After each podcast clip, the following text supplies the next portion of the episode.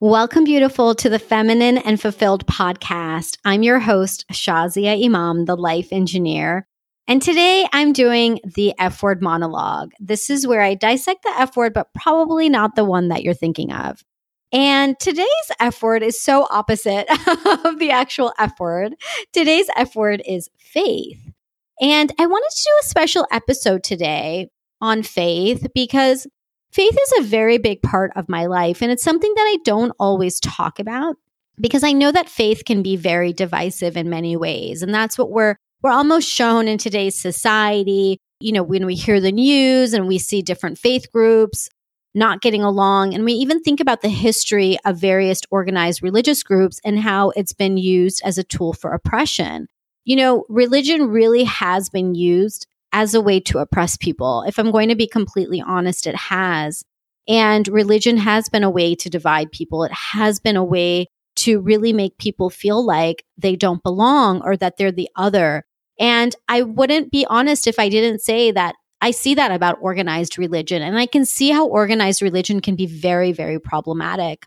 And so that's why I don't really think about my faith as a religion. I think that religion in it of itself can be very problematic when we make it very much about the external, when we make it a place for a power struggle, when we make it a right or a wrong, when we make it that it's this way or the highway, when we say that if you don't believe in what I believe in, then you are wrong and I am right, that you will not go to heaven and that I will. And, you know, the many different layers that religion can, you know, put on people, can place on people. And so I've always actually had a really hard time with organized religion. But when it comes to faith, I have a very, very, very deep faith. I have a very deep faith. I believe in one God. I am Muslim. And I am going to be talking about what that looks like for me in this episode. And I want to use this opportunity to really relay what faith means in my own life. And I want to caveat this by saying that this is how it is for me. You can take what you want from this episode. It might be learning something new if perhaps I'm the only Muslim person that you've ever met, or it might be something that you already know because you are Muslim. And it's nice to hear that somebody else is sharing. And it may even be a new perspective on faith, no matter what your faith is. Because the way that I look at faith, it's very, very different than the typical. And I'm grateful for that because the household that I was raised in really gave me the space to be very open when it comes to faith. So let me just start right there. I was raised in a home with two Indian parents. They both immigrated here in the mid 70s. And so I was born and raised in the US. Now, my parents both are what you would say or call as cultural Muslims. There's a lot of Muslims in India. It is the second largest group of Muslims in one country. That's a fun fact. And it's due to the large population. So Muslims make up about 10 to 12% of the population in India. And so with a population of over 1 billion people, that's a lot of Muslims that you can get in one country. So my parents are more cultural in that, like many Muslims in India, people are very proud of their faith, but they don't necessarily wear it depending on what part of the country that you're in. So for my mother, she does not wear hijab. I do. So I do wear the scarf on my head, which I will talk about. And she doesn't. And so you may not even know that she is Muslim as she walks down the street. Now, it doesn't take away from her faith in any way. My father actually identifies himself as being secular. Now, when I was growing up, we were very involved in the community. We did go to the mosque. We went, I went to Sunday school every Sunday. We had monthly potlucks with the community, and the mosque was really our place that we connected. Now, you may hear of the word mosque when it comes to where Muslims congregate, but it's also known as the masjid. So, mosque or masjid is where Muslims will go, and it's very similar to a church or a synagogue in terms of it's where Muslims come to congregate and be in faith and worship and community together. So, growing up, that was a part of our lifestyle. You know, even with my dad, who identifies as being secular, going to the mosque was very important to him because he was very much about service. And he loved being able to do community service. He loved being in service of other people who were also at the mosque, helping people out, giving people rides. I mean, my dad literally picked up two random strangers from a bus stop because they were looking to find other Muslims in the community. And he brought them to our local mosque, which they still talk about to this day, decades later. So, being a part of, and I'm going to use the word masjid. I feel very connected to using that word. So, that's the word I'm going to use.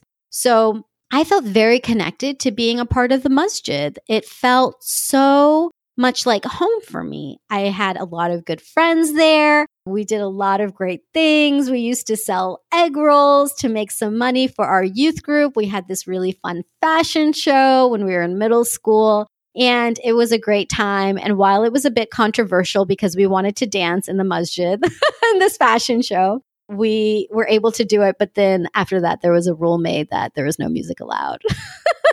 In the masjid, which then I also broke when I got married. And I decided that I was going to have my piano teacher play a beautiful song for me to walk into. and I just went ahead and broke the rule that was actually created because of us when we were younger. So uh, you can already tell I'm a rule breaker, and that's okay because I think that faith is greater than just some rules that can be in place. So as I was growing up, I also did not wear hijab. I actually didn't have a notion that I would. It was something that I saw other people do. It felt much more cultural to me as I was growing up because when it came to my South Asian friends, so those of us who were from India, Pakistan, Bangladesh, our families just didn't wear hijab. It wasn't part of the cultural norm. But for my Arab friends who were from anywhere in the Middle East, they did wear a hijab or their moms wore hijab. So to me, it was a very cultural thing for a long time. And what's wonderful about the Muslim community is that it's very diverse. It's Arab, South Asian, East Asian, like Indonesian, Malaysian, Chinese. It's also white and black, and black meaning African and African American and Turkish and European and and Latino as well. I mean, it's just beautiful how diverse Islam is because it's really truly a faith for people all colors. And it's very much emphasized that no matter what color you are that you are the same. There was a beautiful final sermon by the prophet Muhammad peace be upon him who is the prophet that we believe in that gave a final sermon. And actually the sermon says that a white person is no different than a black person a slave is no better than a wealthy person and vice versa. And it's this beautiful, beautiful sermon sharing about the equality of people. This was the final sermon of our prophet. So, just to give a little bit of background, oh my gosh, there's so many different facets to talk about in faith, but this one is really important. So, Islam is a monotheistic religion. So, we believe in the same God as Christians and Jewish people do we do use the word Allah, which means God in Arabic and is actually all encompassing of God and God's many attributes. It's really a very deep word, and Arabic is a rich language that can do this with many words. It can encompass more than just one literal meaning. And so, to simplify it, when you hear the word Allah, it's not a different God. It's the same God. It's the same God as the God when Christians say God or when Jewish people say God. So the difference, just the way that there's a difference between Jewish people and Christians, the difference between Muslims, because we all stem from the Abrahamic faith. So we all believe in Adam as the first prophet and as the first human. We all believe in Abraham as another prophet. And what differentiates us, we also all believe in Moses and then things start differentiating. So Christians then believe in Jesus, which Muslims do as well. The key critical difference is that Muslims believe in Jesus as a prophet and Christians believe in Jesus as part of the Trinity, God, the Son, and the Holy Spirit. So that's the critical difference where we love Jesus. In fact, Jesus is mentioned more times in our holy book, the Quran, than it's Jesus is mentioned more than our prophet Muhammad, which is really interesting. So that's something that I want to clear the air on because it's not that we believe in a different God than the other monotheistic religions. And we also love Jesus. Sometimes, you know, Christians who are trying to convert will be like, Do you accept Jesus? Do you love Jesus? And I'm like, I love Jesus. Yes, I do. so I think that there are a lot of misconceptions, and there are many, many, many more misconceptions out there. But this is a big one. And the other differentiating factor is that Muslims believe in the final prophet, in the Prophet Muhammad. And Prophet Muhammad came after these prophets and as the last prophet to really give the final message and to really be a walking example of what it means to be a good human being. Because what had happened and what we believe, okay, this is what Muslims believe, is that in each religion that had come up until that point, people had really changed the religion in many ways. So, what originally started with the word of God, then a human being shifted that into something that was then man made. And this is, you know, for example, you know, just the way that Christians and Jewish people are different because something shifted and Muslims are different. What we believe is that when the prophet muhammad came and he was given the quran and these this literally came as divine inspirations literally it came as it's not even inspiration it was very clear like these are the words of god and that is what was written it was done in such a way that there could be not a change by humans so to this day if you are to find a quran in any place in the world any place you look at a quran it is the same words the same words. We're talking centuries later. It's the same exact word. It doesn't matter if you are in Antarctica, Malaysia, Canada, Siberia, Brazil, India, Zambia. It doesn't matter. The Quran is the same in every single place because the Arabic and the word has never been changed. In fact, this Quran has been memorized by people and it's part of the faith as well to memorize it so that it's passed on so that there's never a change. You cannot change even a vowel sound because it will completely change the meaning. And it's it's to me something really beautiful in a world where we're always wanting to shift and change and change can be great and it can also become problematic when we're talking about things that are spiritual when we're talking about things that are really from the divine, it's not up to man to change it. It really is not. And so I feel such a strong faith when I read the Quran, and I can read it in Arabic, and it's beautiful. And even to the ear, it sounds so melodic. Even if you don't know Arabic, there's something about it that is so beautiful. And people who are linguists, when they look at the language, the way that it's written, the perfection and way the verses were created, even linguists will say that there is nothing more miraculous than the Quran itself. And that that makes me proud. It really does because even I feel the beauty in it. I feel the beauty when I recite and I think, "Oh my gosh, this is me talking to God." And that's what we believe that the Quran is literally God speaking to us, Allah speaking to us. And so when we recite it, Allah is re- responding to us. Oh my gosh.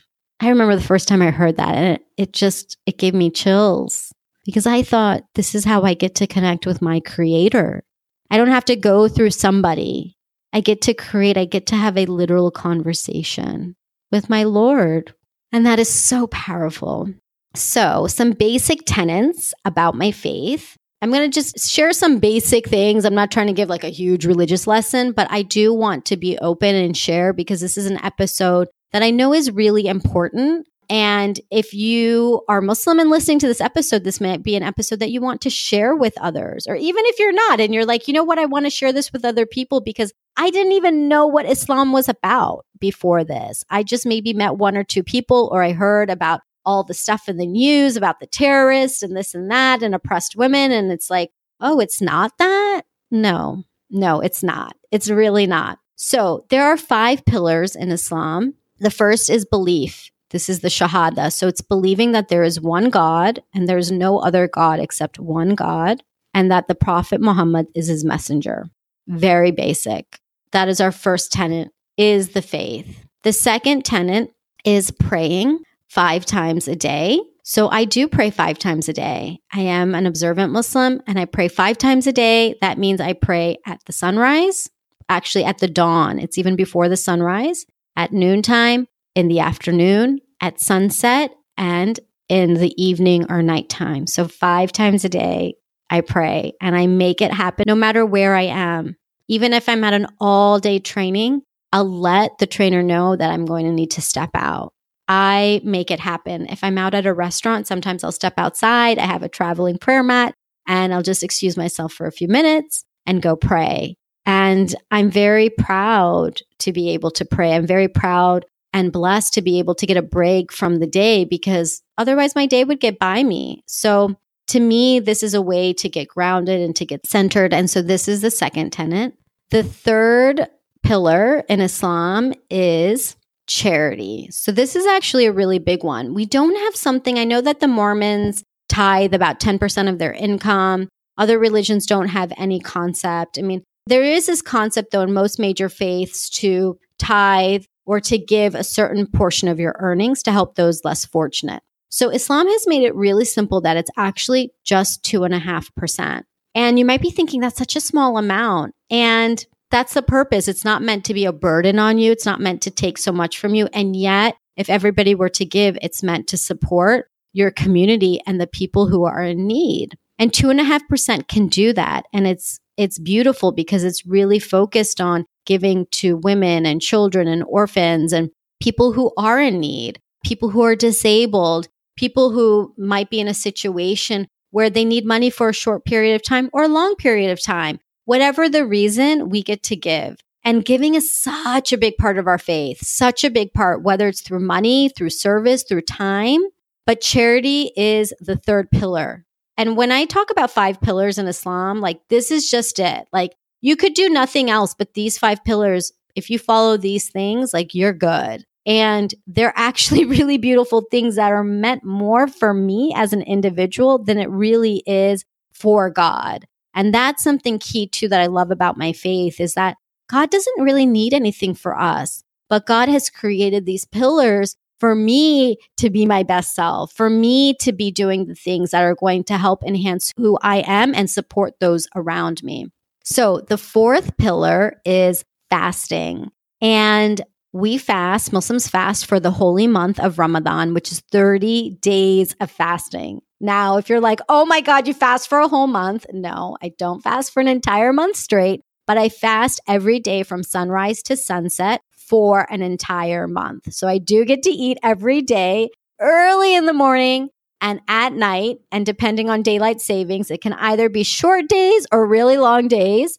But this is to remind me that I am more than my stomach, that I am blessed to have food, that I can challenge myself to something greater than just my need to satiate myself, that I can be grateful for every morsel that I put in my mouth, that this is a blessing that I have. And Ramadan, oh my gosh, it's one of the funnest times of the year. One of the byproducts is we get together and we break fast together because community is very important in our faith. And so there are so many parties where everybody gets together and breaks fast together and then we go for prayer together and it's just a deeply spiritual and fun time. I love Ramadan. It's my most favorite month of the year and it is coming up very very soon. So that's the fourth pillar is fasting and then the final pillar is the pilgrimage also known as Hajj. So this is the pilgrimage that you may have seen that Muslims take when they go to Mecca in Saudi Arabia and this is where you see the people making almost the rounds. There's like a, it looks like a black cube home, I guess, or a structure. It's called the Kaaba. And this is where we believe that this exact spot is what is connected to the heavens above. And the pilgrimage is, I mean, I could do five episodes just on Hajj, on the pilgrimage, but at this very bare minimum, it is based on really coming back to our own self. It's based on the remembrance specifically around Abraham and Hagar, I believe is the American term. We call her Hajra, Hagar in the desert and finding the water. There's a lot of spiritual metaphors that we perform, like physical things as a metaphor to things that have happened in the past, as a remembrance of our faith and what has come before us. And of course, being in complete devotion to God. And this is something that millions of Muslims do every year. You're only required to do it once in a lifetime. That's it, just once in a lifetime. And that's how many Muslims there are that year after year, there are millions of people. And it's really an opportunity to clear your slate. It's an opportunity to go and ask for anything that you want and to know that anything that you've done in the past has been forgiven and you get to start free and clear again. Oh my gosh, it's a very spiritual journey and I am blessed to have been able to take it. I did it in 2005. So those are the five pillars of Islam. I mean, it's actually pretty simple. And again, they're all things for me as an individual to feel more connected to myself, to my Lord, and the people around me. So those cover what I would want to share about Islam. Islam in and of itself means peace. I think people are kind of surprised to hear that, but it's derived from the same word as the word salam, which is the word we use to greet each other, which means peace. May peace be unto you. You might hear somebody say salam or assalamu alaikum, or for me, I'll typically say, hey, alaikum, which is not the proper way to pronounce it, but that's typically how I say it because I've been saying it for so long. And so we're giving greetings of peace to one another. And that is truly what Islam is based on. And there's a lot of great books out there. One of the best books I'll recommend is called Quran for Dummies. It was actually written by my friend's brother, and it's a really great, easy read. And it's just really breaks things down and really helps to understand Islam in a really easy way rather than what you see on the news. Because let me just put this out there Islam is not terrorism, no matter what the media has tried to portray. There have been extremists in every single religion. We just, we don't even have to look that far back to see the racism in the US and how there were Christians who believed and still believe that white Christians believe that they are better than black Christians. And they thought it was okay to lynch, to abuse, to oppress, to even kill Black people. Now, is that Christianity? Absolutely not. I would never think that about a Christian. I would never say to a Christian, you're a racist oppressor. I would not. But has there been extremism? Yes. Go back to the dark ages. Go back to so the, the times that even within Catholicism and Christianity, there were groups killing each other because of a different belief. Look at the Holocaust. A whole group of Jewish people killed for their religion. And that was also done by Christians. So, I mean, I've been giving a lot of bad examples about Christians, but my point is that there are people from all faiths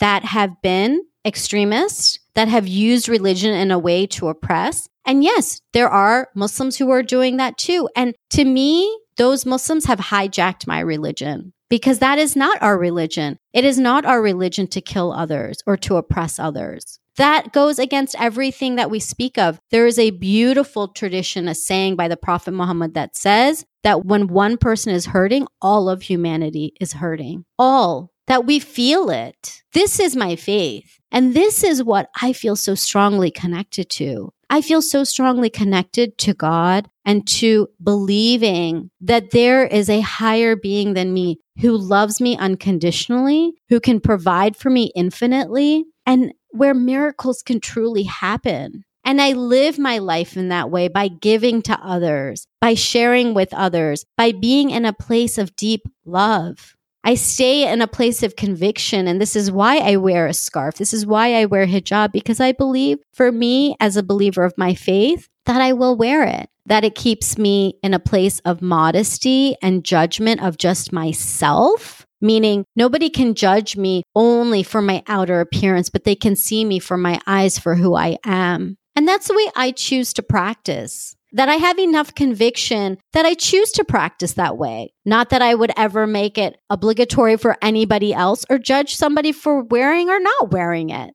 I just don't subscribe to anything in my religion or in any religion that makes somebody wrong or right. And I get to practice my faith in a way that makes me feel deeply connected to my Lord, to God, to Allah. And I am proud of it. There is so much beautiful, deep spirituality in Islam that we don't even get to hear about because it's so overshadowed by other people who do have an agenda, who do have an agenda to make Muslims out to look bad. It helps in politics. Let's be honest, it really helps in politics. It's easier to control a group of people when you can incite hatred because our natural default is love and acceptance. That is our natural default. And so to control the masses, it's easier to incite hate. And I'll, I just won't ever subscribe to that. I won't. And even if a Muslim was trying to do that, or a Christian, or a Jew, or a Hindu,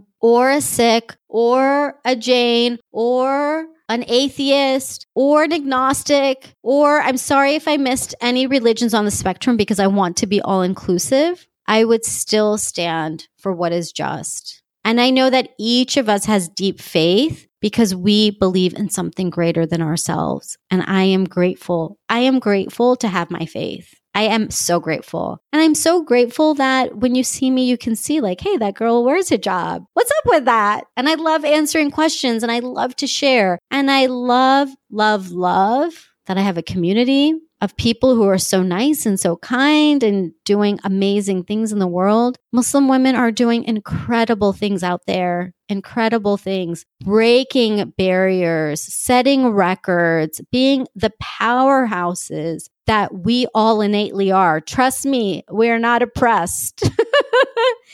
the women who are oppressed, it is cultural, purely cultural, because Islam actually liberated women in a time that they were oppressed culturally. So again, there's so many different things I could talk about. I mean, there's so many different ways. But what I will say is that you, if you haven't already, check out some of my guests that I've talked to. I would highly recommend the episode one with Dalia Mogahed. She was a fantastic guest and a real powerhouse in the Muslim world. Or Malika Bilal, who is doing journalism for Al Jazeera, which is one of the leading journalism outfitters in the world and in the Middle East. And she has a show on there or listening to Warda Khalid, who is trying to create a lobbying agency to help ensure that Muslims are not discriminated against, which we have been in today's age. We have been, it's a reality. And listening to all of the other guests on my show who are Muslim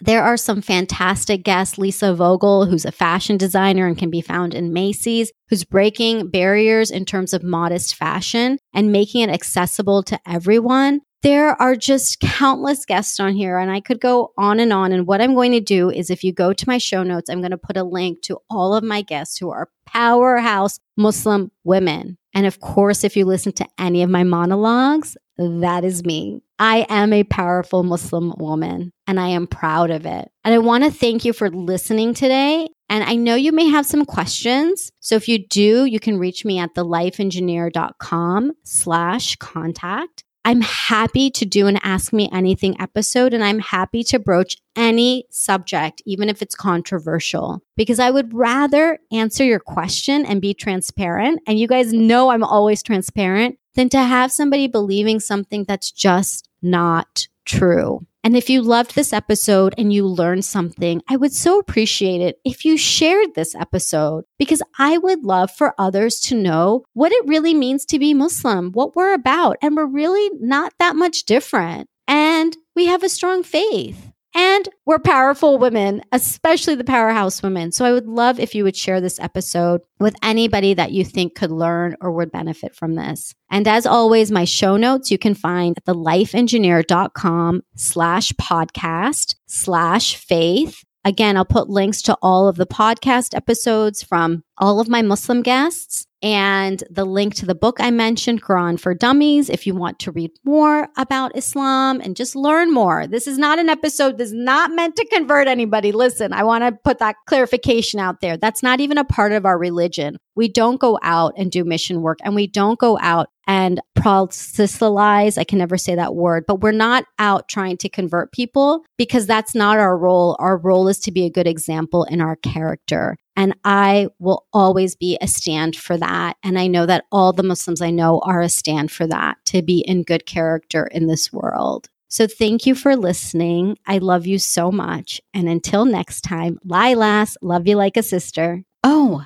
and one last thing before I forget, I wanted to give you a really special gift because how could I not? I actually have a list of my favorite things that make me feel feminine and fulfilled. And I would love for you to have it so that you can grab whatever you want from the list. So if you want to see my list of my favorite things, go to thelifeengineer.com slash favorite. And it is a full list of all of the things that I love and all the links for you to grab them.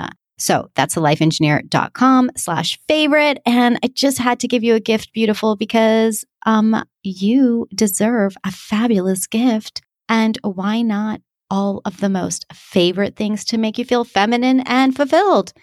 Okay, love you.